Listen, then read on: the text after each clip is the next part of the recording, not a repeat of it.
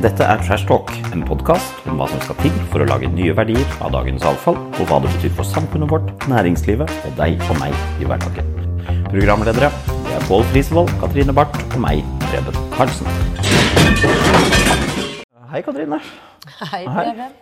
Nå sitter vi jammen meg i selve Eidsvollsgalleriet. Inne på selveste Stortinget, rett og slett. Det snakkes jo mye om alt det der som er feil med demokratiet vårt for tida.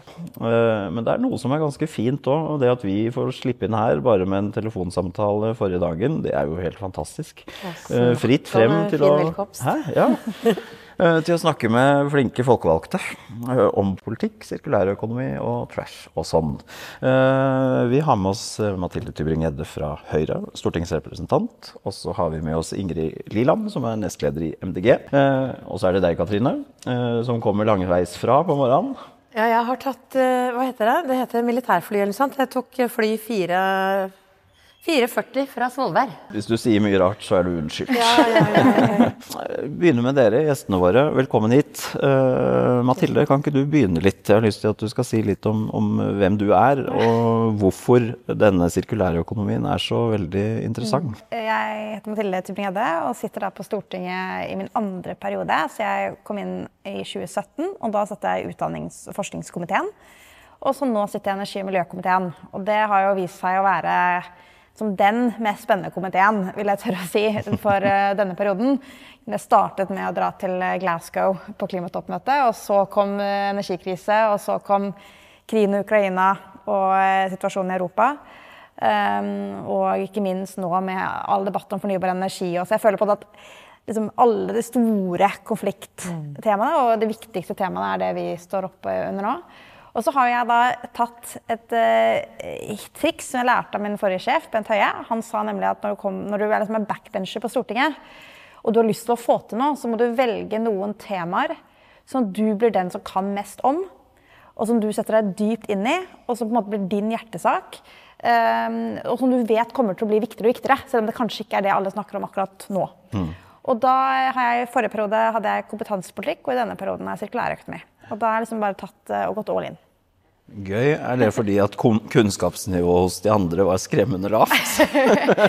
Jeg tror, jeg tror det er fordi at eh, klimapolitikken har jo kommet i den, i den grad at nå er det pris, priset CO2. ikke sant? Man, man, man har integrert i veldig mange samfunnsdebatter og, og temaer.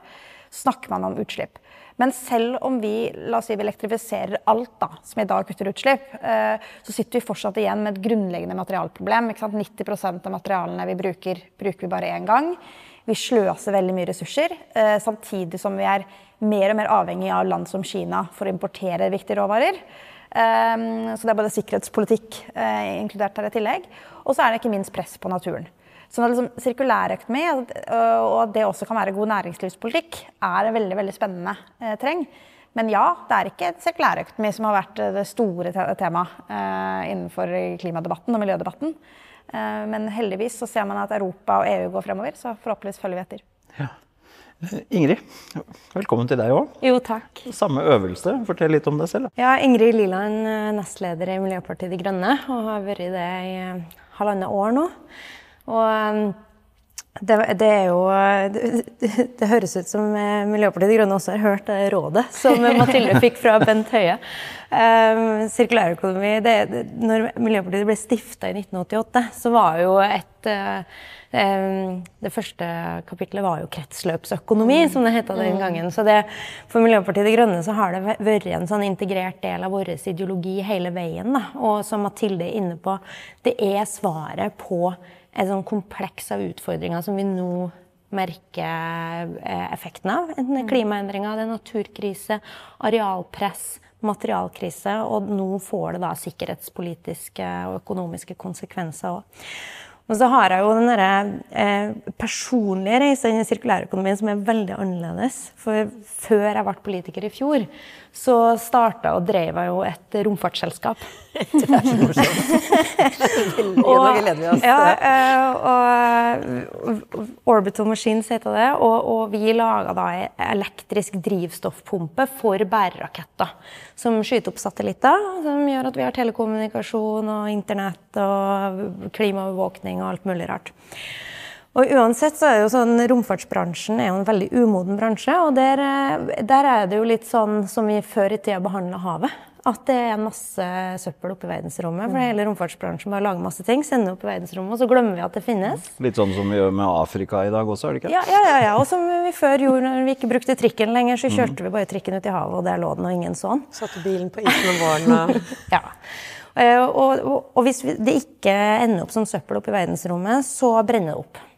Og den pumpa vi laga, den, eh, den skal eh, Den kommer til å sørge for at det blir enklere, færre ulykker, for det første. Det er jo bud nummer én hvis du skal slutte å sløse med ressurser. Og slutte å brenne og eksplodere. Og i tillegg så gjør det noe med hele designet på motoren og raketten, sånn at du kan begynne å ta ned komponentene igjen etter oppskyting og bruke dem på nytt. Du kan reparere og vedlikeholde. Eh, og det gjorde meg obs på at eh, i en u det her var en umoden bransje, romfartsbransjen. Og denne type forbedringsmuligheter finnes i absolutt alle bransjer og alle verdikjeder. I hele verden, i hele økonomien. Eh, og som Mathilde sier, vi er langt unna. Vi er bare i startgropa på å finne ut av alle de løsningene. Det er veldig gøy å høre hvordan dere angriper denne her fra hver sin side. Og jeg føler at dette er som en sånn Rubiks kube. Du, altså, der alle kan bli med. Om du går inn fra den hvite sida eller røde sida, så fins det en sirkulær økonomi for ethvert parti.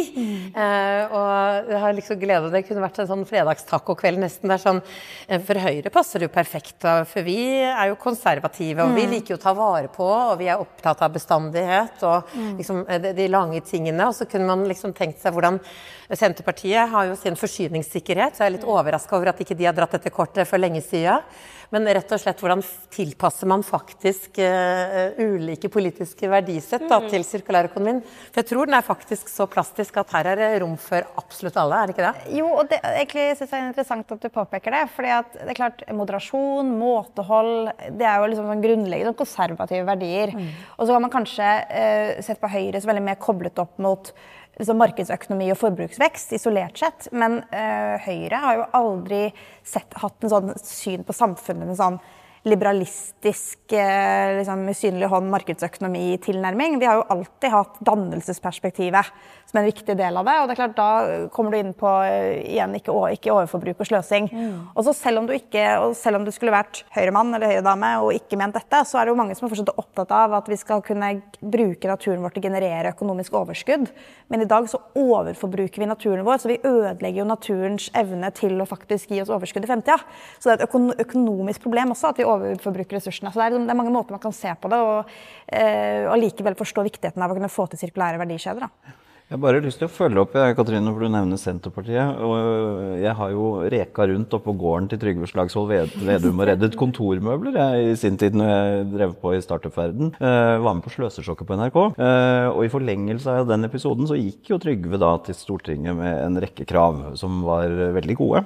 eh, Som selvfølgelig ble nedstemt av, var han i opposisjon. Eh, Så gikk det ca. et halvt år, så kom han i posisjon, eh, og har vel knapt nok nevnt sirkulærøkonomi siden. Eh, Høyre var eh, også ikke fullt så opptatt av sirkulærøkonomi når man satt med makta som man kanskje har blitt etter at man kom i opposisjon. Og det kan jo hende det er et mønster, fordi dette er vanskelige ting. Eh, Og det er jo interessant når vi først har dere her. altså hvor vanskelig er det å dra gjennom den, det systemskiftet vi snakker om, når du sitter ved makta? For det er lett å peke på på utsiden, ikke sant? Nei, Det er et, et veldig godt spørsmål. Jeg tror eh, Det viktige å si er at overgangen fra lineær til sirkulær økonomi kan det er et systemskifte. Sånn at Én ting er at hver enkelt av oss på en måte bør kjøpe mer brukt og ikke kjøpe så mye som vi gjør. og liksom den individuelle eh, tilnærminga. Men dette er system. Og da, eh, utfordringen der er jo, er jo mange. Det ene er at eh, Norge er en liten markedsmakt. ikke sant? Sånn at veldig mye av det, 80% av miljøbelastning av ting vi kjøper, er jo i designfasen. Det bestemmes også utenfor norske grenser. Så av og til så føler man seg litt sånn Hva kan Norge gjøre for å stille krav til de som gir oss tjenester? Men jeg tror det som er positivt, altså å se på hvordan man kan få det til, det er jo det at man har EU. Eh, vi burde jo vært medlem, det er en annen debatt. Eh, men EU ser i hvert fall på sin markedsmakt til å stille krav nå til produktdesign, eh, som vil være veldig viktig. Og så er det klart at skatter og avgifter, reguleringer, ting som henger igjen i fortida. Prøve å få Finansdepartementet med på momsfritak, f.eks. Det siste eh, finansbyråkrater ønsker, er hull i momssystemet vårt. Sånn at eh, Det som er vanskelig for Høyre, da, er jo ofte at eh, vi trenger å liksom ha sett hatt en bred utredning som ser på liksom, skatte- og avgiftssystemet i helhet, før man tar beslutninger om å endre enkeltelementer. Og da er det vanskelig for meg som høyrepolitiker som ønsker liksom, ivre på ikke sant? på å ta opp sånne mindre skatte- og avgiftsendringer som eh, kunne bidratt litt, men som ikke er helhetlig. Um, så det, det, er nok der vi som plutselig stopper, da. Mm. Uh, så jeg, men jeg håper jo at drivkraften EU nå gjør at vi skal komme lenger frem i Norge. Og så har jo Høyre foreslått bl.a. en større gjennomgang av skatte- og avgiftssystemet. fordi at det må liksom på plass for at jeg så kan kunne kjempe videre internt til Høyre og ellers for å få gjennomslag for endringer. Mm. Jeg har, um, jeg har, lyst til å trekke oss, eh, dra, dra, oss litt ned i sørpa. For det første skal vi eh, skildre litt. fordi vi sitter jo i en sal hvor det her har vært røyka mye og prata samfunnsstore tanker før. Så det får være litt sånn ærbødig med alle disse mannfolka i gullrammer rundt oss. Men det er jo én kar som tråkka ned stortingsparketten på 30-tallet, og det er jo Ragnar Frisch som eh, fikk nobelprisen i økonomi, for han lagde jo egentlig nye økonomiske modeller. Men det var ikke gjort i en håndvending å overbevise norske stortingspolitikere. Det var ikke gitt at velferdsmodellen og planøkonomien var det som skulle skape, gjøre Norge til et rikt land i forrige århundre. Men han gikk her kveld etter kveld etter kveld etter kveld og hadde kveldskurs med deg og kveldskurs med alle sammen. For det å gå fra et økonomisk eh, tankesett til et annet, det er ikke gjort i en håndvending.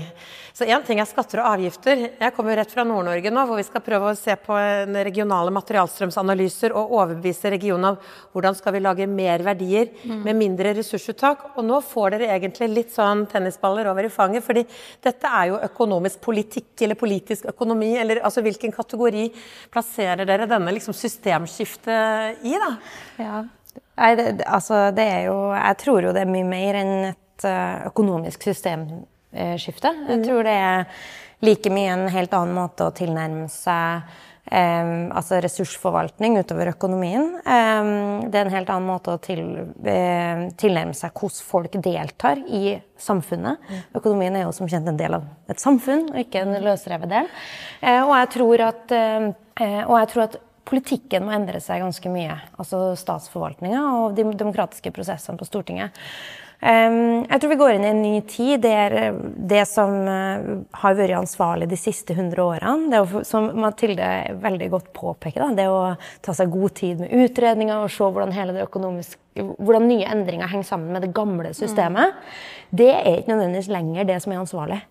Eh, for det som blir ansvarlig framover, det er nettopp kanskje i større grad teste ut, feile, mm. lære mm. og innse at det eh, systemet som, mange, som, har vært veldig bra, ikke lenger tjener oss. Eh, og da snakker jeg både om økonomien, men, ikke, men også diskusjonene i Stortinget.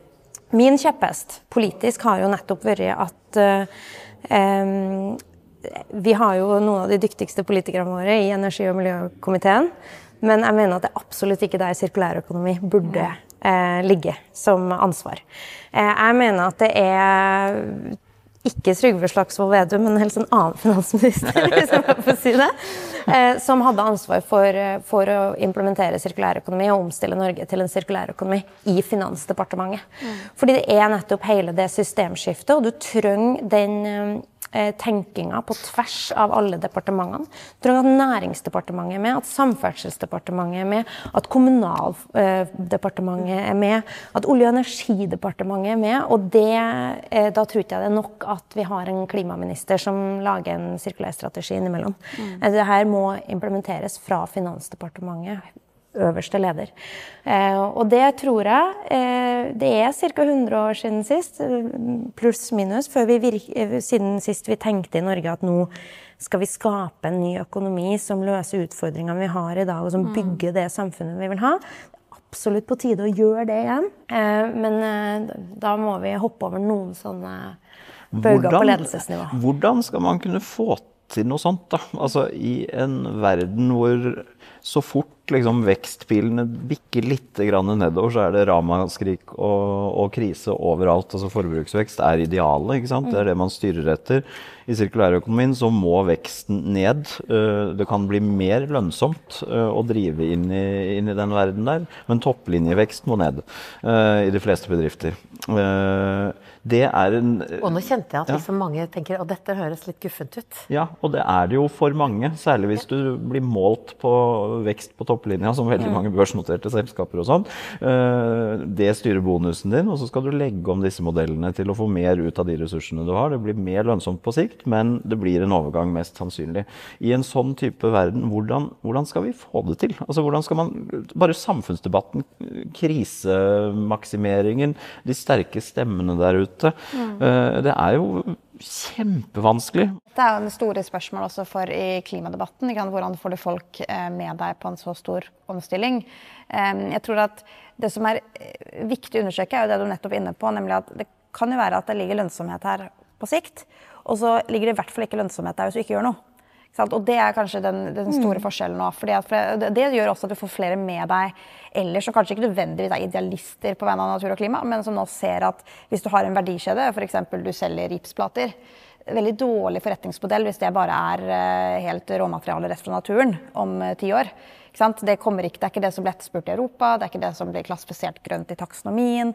Du taper. Det samme. Og, og, det, og det er det med, som er med på å gjøre at vi politisk i større grad kan stå liksom oppreist og si at hvis ikke vi gjør endringer nå, så er det særlig de små og mindre aktørene som kanskje er redd for økte kostnader, men som i hvert fall taper om ti år. da. For de store aktørene, ta byggsektoren, da, de kjører jo fra. Eh, mens det er en ganske fragmentert sektor som trenger å omstille seg. Så det, er liksom det å gå fra sektor til sektor til sektor og begrunne hvorfor det også er i arbeidsplassen til folk og i næringslivets interesse og i folks interesse av dette skiftet skjer, det blir på en måte vår jobb. Eh, Men så må vi også være ærlige på at det kommer til å koste mer på, si- på, på, i mellomovergangen. Og så må vi også være ærlige på at, som folk, kan også, folk må endre måten de tenker på, måten de forbruker på. Og det, eh, jeg tror hvis du klarer å kombinere de to, så kan man få folk med på det. Men hvis det bare oppleves som at her må du liksom gi fra deg alt nært og skjært, og vi er uansett et lite land, og hva, hva kan en enkeltperson gjøre i en så stor omstilling? Og, ikke sant? Da har du en avmaktsfølelse som skaper delegitimitet. Da. Men jeg vil også bare kommentere på det. for det, altså, det med at Alle børsnoterte selskap ha, eh, må jo ha vekst, så hvordan i alle dager skal vi få til noe som utfordrer den veksten? For jeg, jeg vil faktisk, jeg lurer på om det er litt sånn livsløgn. I, vår, eh, i, politikken i hvert fall, men i den offentlige debatten. Fordi at eh, Hvis du spør en næringslivsleder som har drevet et stort endringsprosjekt i sin bedrift, så ikke kom og fortell meg at, ved, at den lederen har stått og si det her blir kjempeenkelt, folkens. Eh, Mine 5000 ansatte, det blir kjempeenkelt. Vi skal ikke gjøre noen ting annerledes. eh, Men vi skal få til endring likevel.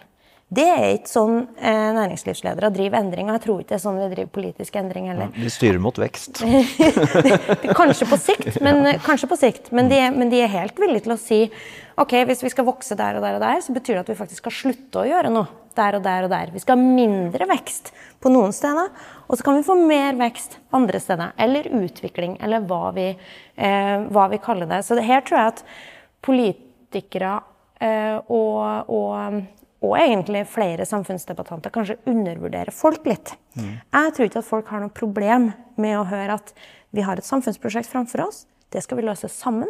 Det betyr ikke at alt blir lett. Det betyr at vi skal gjøre mer av noe. Det betyr faktisk at vi gjør mindre av noe annet. Det tror jeg er en sånn ærlig debatt som folk er beredt på å ha. Jeg syns helheten, tror- helheten, helheten i dette her er interessant. For det Villemann Vinje, som er seniorøkonom i Ny Analyse, han var gjest på den forrige episoden vår. Eh, og han snakket om eh, eh, hvordan man eh, i Finansdepartementet burde begynne å se sammenhenger mellom f.eks. de nye jobbene i sirkulærøkonomien og reduserte kostnader på Nav-budsjettet. For i sirkulærøkonomien så er det masse fysisk arbeid som gjør at veldig mange mennesker kan komme ut av utenforskap, og det er en enorm kostnad i dag. Eh, Men disse linkene og helhetstenket der, og designe et system som ivaretar det, hvordan i all verden skal man gå frem for å få det til, Mathilde? Eh, Jeg har lyst til å kommentere det. Jeg er enig med deg at en, du kan finne en del liksom, kall det liksom lavere kompetansearbeidsplasser i en del sirkulære verdikjeder. Men bare for å understreke det, altså, lønnsomme sirkulære verdikjeder er ofte ganske høyteknologiske og digitale. Ikke sant? Det, er mye data, det er mye digitalisering for at det skal være lønnsomhet i det.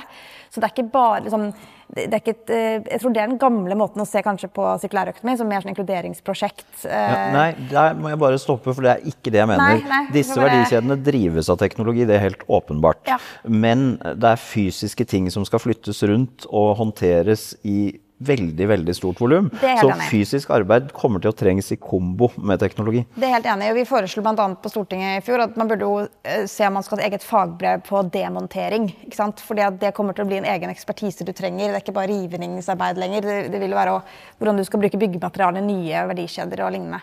Så det er klart, det er en sånn kompetansetilnærming. da. Men dette med økonomisk vekst syns jeg er litt interessant. Jeg er jo den jeg tror jo på at det er mulig å frikoble økonomisk vekst fra økt CO2-utslipp og økt materialbruk. CO2-utslipp har vi sett at det er mulig i flere land. Eh, Men det er klart materialbruk og frikoblingen der det er den mest krevende.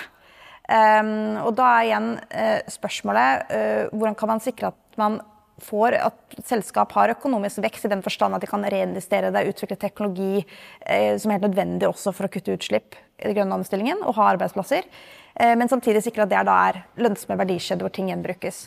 Og det er, det er rammevilkår. Skatter og avgifter, reguleringer, innblandingskrav. Vi faktisk stiller krav om at i nye produkter må det være en viss andel resirkulert materiale.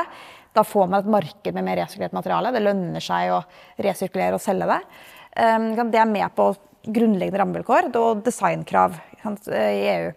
Eh, Og så er det jo igjen eh, bruk av data og digitalisering, slik at man faktisk får altså effektivitet. Eh, Så bare det spørsmålet om folk som setter, tenker at vi ønsker økonomisk vekst, det er viktig, det er fortsatt mål for dette selskapet. Men hvordan ser man det i sammenheng da med lavere materialbruk? Og det er jo å tenke få mer ut av mindre. Det er jo mye mer effektivt. Sløsing har jo aldri vært noe smart for noen som helst, egentlig. Det er bare at i dag så er det ikke prissatt, og du er ikke Det var jo en gang hvordan egentlig det økonomisk orden var. ikke Ja. sant? Så hvordan kan du makse det? er Bondegårdsøkonomien, og det er eh, lokalsamfunnsøkonomier, og det eh, Du har ikke råd til å eh, kjøpe dårlig kvalitet, eller du har ikke råd til å være avhengig av å bytte ut ting. Altså, det, det er noen ting med at dette her er jo Jeg elsker jo den grunnleggende definisjonen av eh, økonomi. Det er Kate Raworth som minnet om det. At økon betyr husholdning, og nomos er normen for. Og det er egentlig normen for å husholdere med de ressursene vi har. Når man lagde den superpopulære lineærøkonomimodellen som har vart i 200-300 år nå, så skal vi liksom det å kjenne på hva er, det, hva, er det vi skal ut av. Fordi det norske stabburet, eller laftehuset, er jo eh, gangbar økonomi når tre, tre, tre er kritisk råstoff. Du kan jo ta den fra hverandre og flytte den rundt. Og det er jo en ting at det å ta vare på ressurser eh, og bruke det flere ganger det, Jeg tror mange av oss havna inn i dette, og det var sharing economy og delingsøkonomi, og det var eh, Airbnb, og det var liksom dette, dette har man jo holdt på med lenge, og plutselig de siste åra så har vi fått et fellesspråk, litt sånn esperanto, da.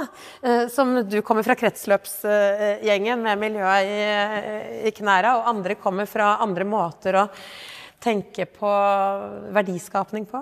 Det syns jeg er spennende i Norge, da, som jeg har lyst til å kaste siden du er i energi- og miljøkomiteen. Vi er jo så utrolig glad i denne energibransjen vår. Men hva var det som skjedde når vi ikke tar vare på ressursene våre? Vi eksporterer og eksporterer råstoff og olje og fisk, og vi mista en bearbeidingsindustri for 50 år sia. Og så føler jeg at, at nå må vi være litt forsiktige, fordi at hvis ikke vi eh, oppfører oss ordentlig i sirkulærskuffen, så tramper vi energigjengen eh, på tærne. Og det er liksom, hvis ikke vi nå Nå skal vi fornybarindustrien, og nå trenger vi massive materialer, fordi nå skal vi ha så mye vindmøller og så mye elbiler og så mye batteri eh, og, og fornybar skrog, og så vi må faktisk ned på havbunnen. Og jeg vil bare ikke ha noe havbunnsprat i dag, men det er et eller annet sted hvor ble ressurspraten av? At uh, vi trenger tilgang på råstoff, og da er vi nesten i det som jeg syns kanskje ikke hvor det, det har skjedd mye siste året, og det er jo at dette er blitt geopolitikk, dette er sikkerhetspolitikk. Altså at dette kveler natur, det er jo åpenbart, men hvordan blir dette plutselig en sikkerhetsrisiko at vi ikke har tilgang på morgendagens råstoff, da? Ja, altså det er jo eh, kanskje den, den store omveltningen i den politiske tilnærmingen i EU og i Norge kanskje også på dette spørsmålet. Og plutselig så ser man at ok, vi er avhengig av eh, 98% av sjeldne jordarter fra Kina. Samtidig som eh, vi kaster fremdeles veldig mye elektronikk, og veldig mye blir stjålet og havner over grensene. ikke sant? Og eh, selv om vi resirkulerer, eller selv om vi sorterer en del, så er det ikke alt som blir gjenbrukt. Um, og da begynner man å ok, Skal vi få til en verdikjede i Europa med urban gruvedrift? ikke sant? Hvor man i mye større grad klarer å holde denne verdikjedene. Eh, vi har en stor elbilpark. Hvordan kan vi sikre at batteriene gjenbrukes? Kan vi tjene penger på å ha en lønnsom verdikjede på gjenvinning og resirkulering av batterier? Ja, kjempespennende. Så du får en så, et sånt driv nettopp fordi man ser at mineral- og materialmangel kommer til å være uh, mer av. Og så er igjen, henger nok igjen reguleringene noe etter. Vi har eh, krav til gjenvinning av elektronisk avfall, men ikke krav til målretta krav til sjeldne jordarter. Så det kastes mye. Kan, så der er det sånn igjen liksom nitty-gritty details da, som sirkulærøkonomien også trenger. At man liksom faktisk går inn og ser hva må til eh, på reguleringssida. Eh, men det er ingen tvil om at den, både det synet og forståelsen av strategisk autonomi og behov for det i Europa gjør at sirkulærøkonomi også blir sikkerhetspolitikk. Hvorfor er det positivt? Jo, fordi det betyr også at man kommer til å ta en del investeringer som kanskje ikke er lønnsomme i dag. Mm. Fordi det også er sikkerhetsaspekt. Det å investere i forsvarsmateriell er ikke nødvendigvis eh, økonomisk lønnsomhet som er drivkraften i det, men fordi det er sikkerhetsperspektiv.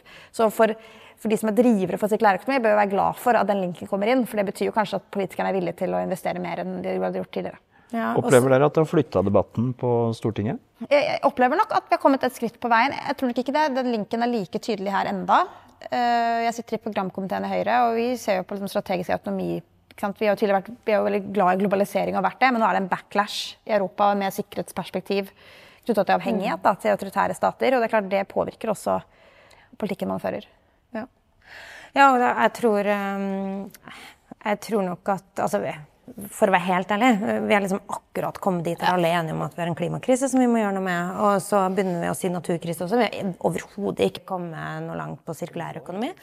Så, så, eh, så, så det, her, det, her, tar tid. Men, eh, men jeg tror jo at Eh, det er noen muligheter i den sikkerhetspolitiske, geopolitiske situasjonen som vi har nå. Samtidig så er jo min bekymring er jo at det rett og slett fordi det blir sånn krise på krise, mm. at vi begynner nå å gjøre politiske valg i en slags sånn handlingspanikk. Heller enn at vi tenker på det her som et langsiktig samfunnsbyggende prosjekt.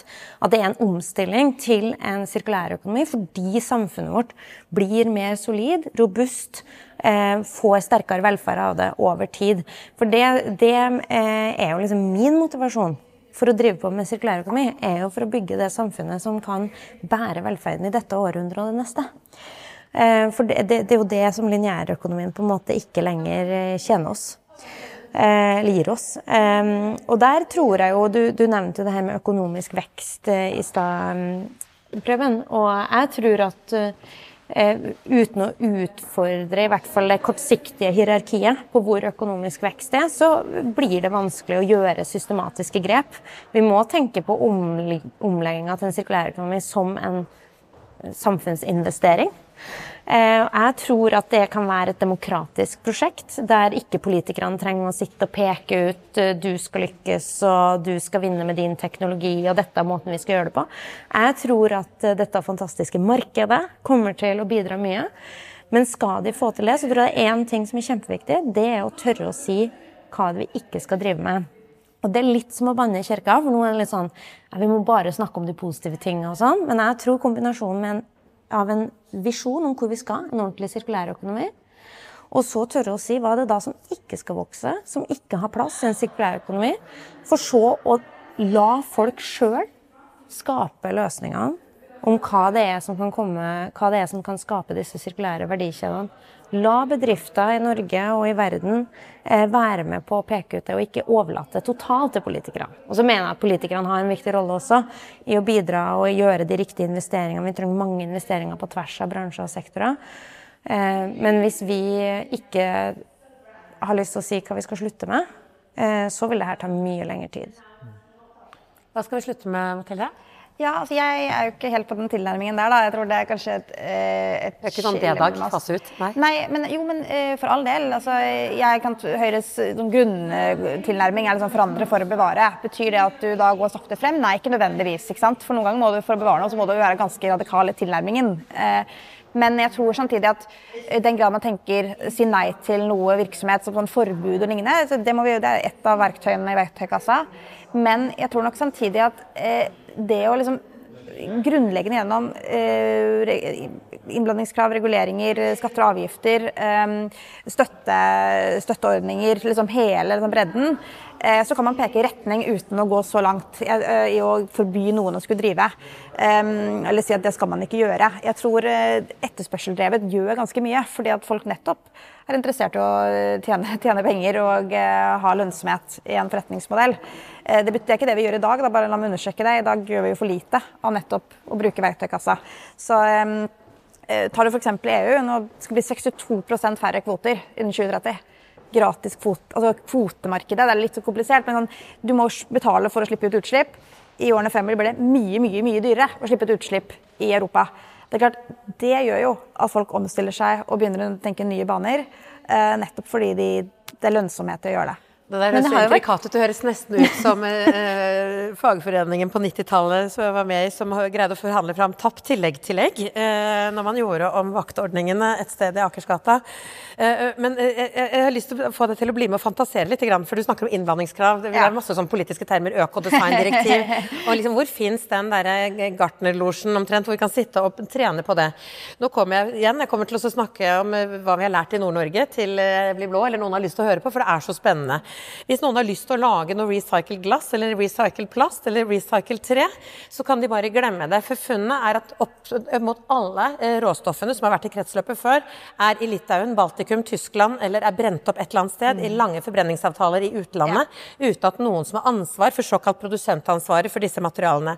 Eller glasset ender i Østfold. Det er flott for Østfold eller uh, metallet enn der, men uh, det hjelper jo ikke uh, en halv million nordlendinger at vi skal satse på ny, nye næringsområder områder når alle materialene er borte før man får snudd seg rundt. Så det er litt sånn, i, det er liksom, En ting er mikroland. Eh, ja vel, skal vi greie å lage baderomsplast på havplast? Eller altså, må, hvem skal begynne å lage greiene som vi skal kjøpe? Mm. Det er ikke alt som skal skje i Brussel. Noe må skje litt rundt uh, på heimtraktene våre også. Og hva er det? Mm.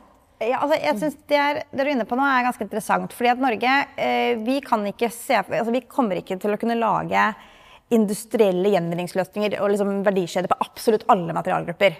Vi kan, godt ønske det, men det, det, tror jeg ikke vi kommer til å få til. Vi, men vi har jo noen komparative fortrinn på en del ting, og har regionale fortrinn. Ut fra hva man bruker av materialer, og hva slags kompetanse man har, og hva slags infrastruktur man har. Eh, så kan man tenke seg at kan, batteriteknologi, helt åpenbart, der kan vi ha en gjenvinningsprosess.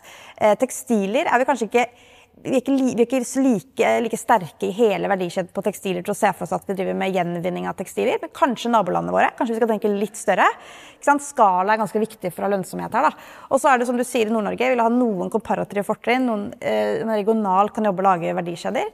Eh, men avfall må igjen, det er jo plutselig en ressurs som man skal være villig til å betale for i en sirkulærøkonomi. Mm. Og det, da kan man jo faktisk plan, altså jobbe i Norden f.eks. Få, få avfall også importert mm. i Norge for å kunne drive med større skala. Ja, vi importerer masse i dag, men vi brenner opp.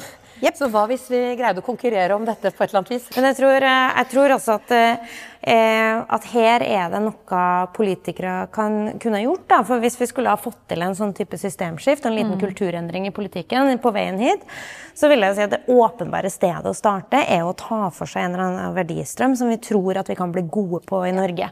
La oss starte med marin sektor, da. Mm. Som, vi er, som er kjempesvær, og mange langs kysten håper jo at det skal bli den nye oljen på et tidspunkt. Og, eh, ok, men hvis det skal bli den nye oljen, da må det kunne passe inn i et framtidig sirkulært eh, samfunn. Mm. Eh, og så kunne vi, vi kunne starta med det. Hvordan får vi Og det her er poenget mitt. Vi må si hva vi skal slutte med. Slutte med utslipp. Slutte med forurensning. Eh, slutte å ha eh, overdødelighet i det som heter biomasse, men som er fisk. Eh, det er bra at vi biorienterer oss, for det er veldig tekniske. Fisken. Det er fisken. Eh, skal slutte å ha overdødelighet. Vi, skal, altså, vi må sette opp ok, Hva er det som skal til for at hele marin sektor blir Eh, helt sirkulær. Og så kan vi begynne å finne ut hva betyr det av finansielle insentiver og avgifter. Eh, hva betyr det av reguleringer, hva betyr det av statlige investeringer? Hvordan i alle dager får du all den hardplasten fra et oppdrettsanlegg mm. til en startup i Kristiansund som sitter og trenger 20 000, nei 20 millioner faktisk, tonn hardplast for å realisere sine vekstplaner. De sitter bare og Og hvem snakker sammen og kobler ja, og sånn. Nettopp. Det, det tror jeg liksom hadde vært en sånn kjempetilnærming som, som regjeringa i dag bare kunne ha satt i gang med. Valgt seg ut en bransje eller en verdikjede som vi tror Norge kan bli skitgod på, eh, og finne ut hva må Det til er for veldig å få en spennende å ta en sånn fisksentrisk. For en fisk er ikke bare en fisk eller biogass, den, er, den går jo på hjul, og den er en del av transportbransjen. Ja, ikke av liksom, øh, eh, Medisin. veibransjen, av ja, ja, shippingbransjen.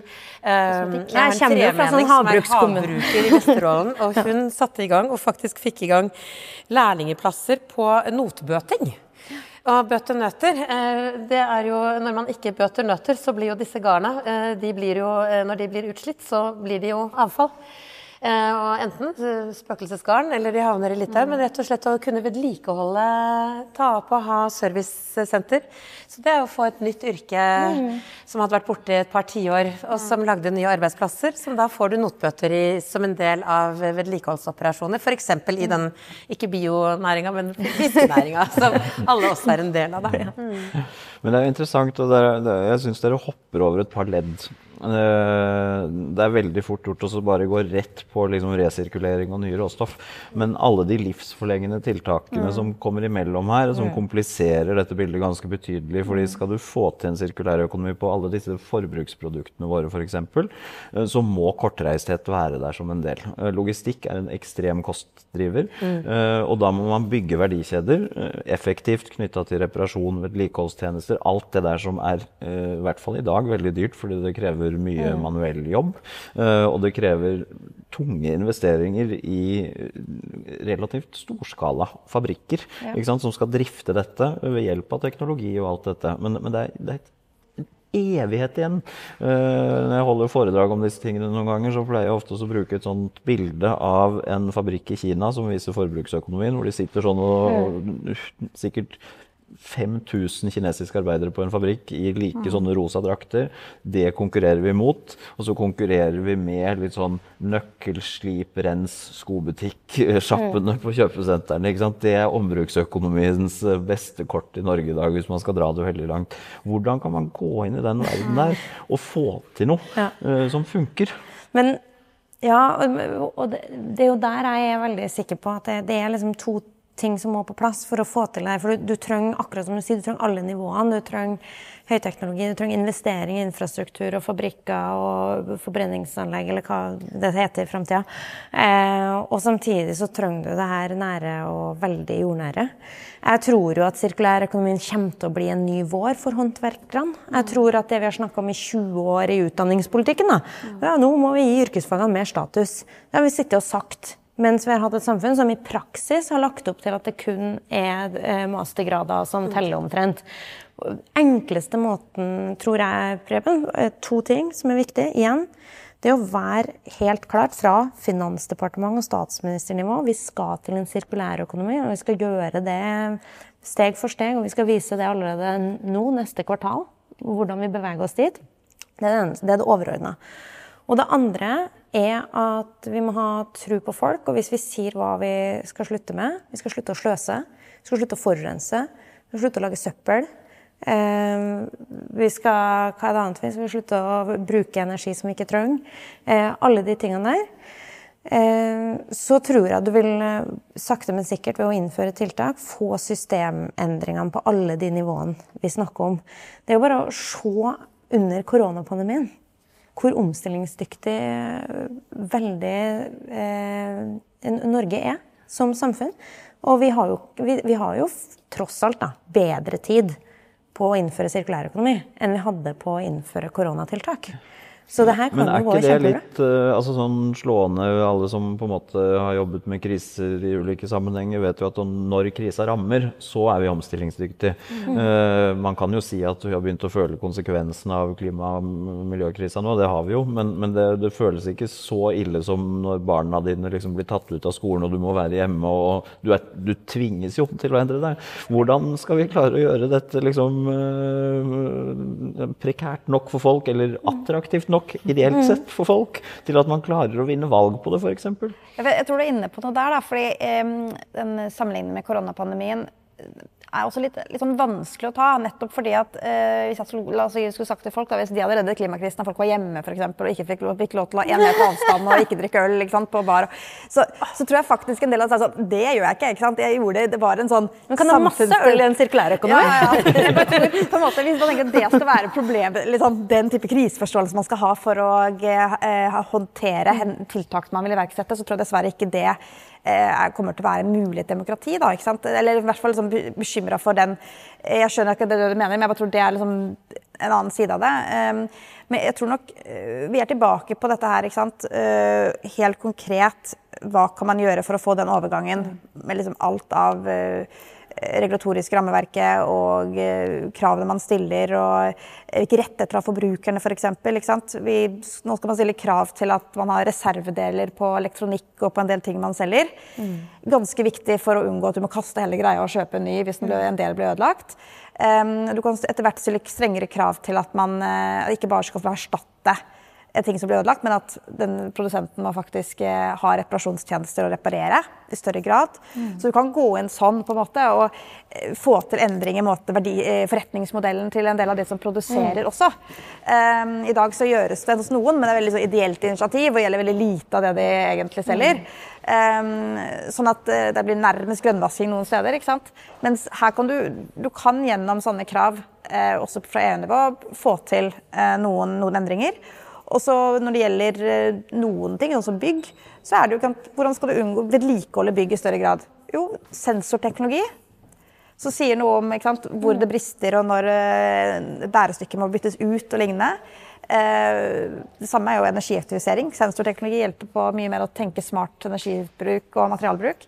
Så du, det er noen sånne grep man kan ta fremover som gjør at du får levetidsforlenga en del materialer. Men kunne vi snudd litt på det Ingrid sier da? Ikke bare hva skal vi stoppe med, men jeg kaster hansken tilbake og sier eh, Eller gir deg hansken. Eh, for hva kan vi begynne med? Fordi kan vi ikke bare si at fra 1.1.2024 så er det en default at alle bygg skal designes eller bygges for sirkularitet. Klargjøres for det.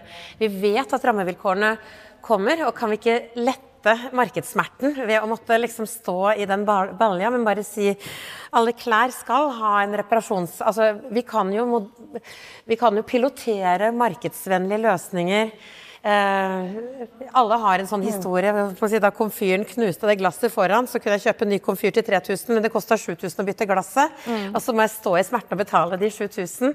Og man forandrer liksom, du, du, du, skjønner hvor det brister litt, men dere kan jo bare si hva som er startdatoen for et sirkulært system eller sirkulært samfunn? da? Jo, men det, Bygg er et godt eksempel. Ja, det kan man si. Man kan si Fra 1.1 så faser vi krav, uh, f.eks. klimakrav til nybygg. Mm. Uh, og da er jo, Hvis du bruker materialer med mer gjen, altså, gjenvinnet andel, så er det jo lavere klimautslipp for materialene. Eller at du strenge krav til at du skal bruke i nybygg og ombygg, så skal du ha en viss andel sirkulære råmaterialer eller lignende. Og hva skjer med han gjøken som da bruker eh, marmor fra Kina og liksom det som var fint i fjor, da? Ja, men, kan, men da, Ved å stille sånne typer krav, så sier du også til markedet ok, dere har en viss eh, tid nå til å omstille dere. Mm. For dette kommer til å være det som er eh, konkurransefremmende liksom, mm. i årene fremover. Jeg har veldig troen på det. Eh, og jeg mener på bygg, sånn, der mener jeg politikerne henger etter. For der sier jo selv aktørene i byggebransjen vi er klare for klimakrav, og vi er klare etter hvert for krav til sirkularitet. Og så bare skjer det ikke. Og, da, og så er de, tilbake der at da er bygg i Kommunaldepartementet og ikke i Klima- og miljødepartementet. Og jeg tror det er en av grunnene til at man er treige på Men, men det der er jo skal bedre med på sirkulering, da. Sånn, ja. Når vi først sitter i dette fantastiske bygget her. Jeg lærte jo til og med hvem er det som har laga det. Det her er jo laga av Emil Langslett i 1857. Prøvde å regne hvor lenge siden, det gikk ikke så bra. Eh, det var noen ting med dette her også få eh, dere til å bli med inn eh, når du ba om Det er jo Finansdepartementet som ikke har vært med. Finansdepartementet har sittet litt stille. og du kan skylde på hvem som, Det er ikke bare denne finansministeren, det har vært noen finansministre før som har sett en annen vei. Jeg tror det sitter dypere enn ministeren. Liksom, hvorfor, hvorfor, får vi ikke åpna boksen fra finanssida? Hvor lenge må vi vente på at de eh, blir med på dette? Vi er på year of skills for ja. EU. og Hva må vi lære, og hva må de lære for å uh, få de med da, på den dansen der? Ja, altså, um, jeg tror uh, La oss bruke jeg, har lyst til å snakke litt mer om korona. Bare akkurat i det perspektivet der.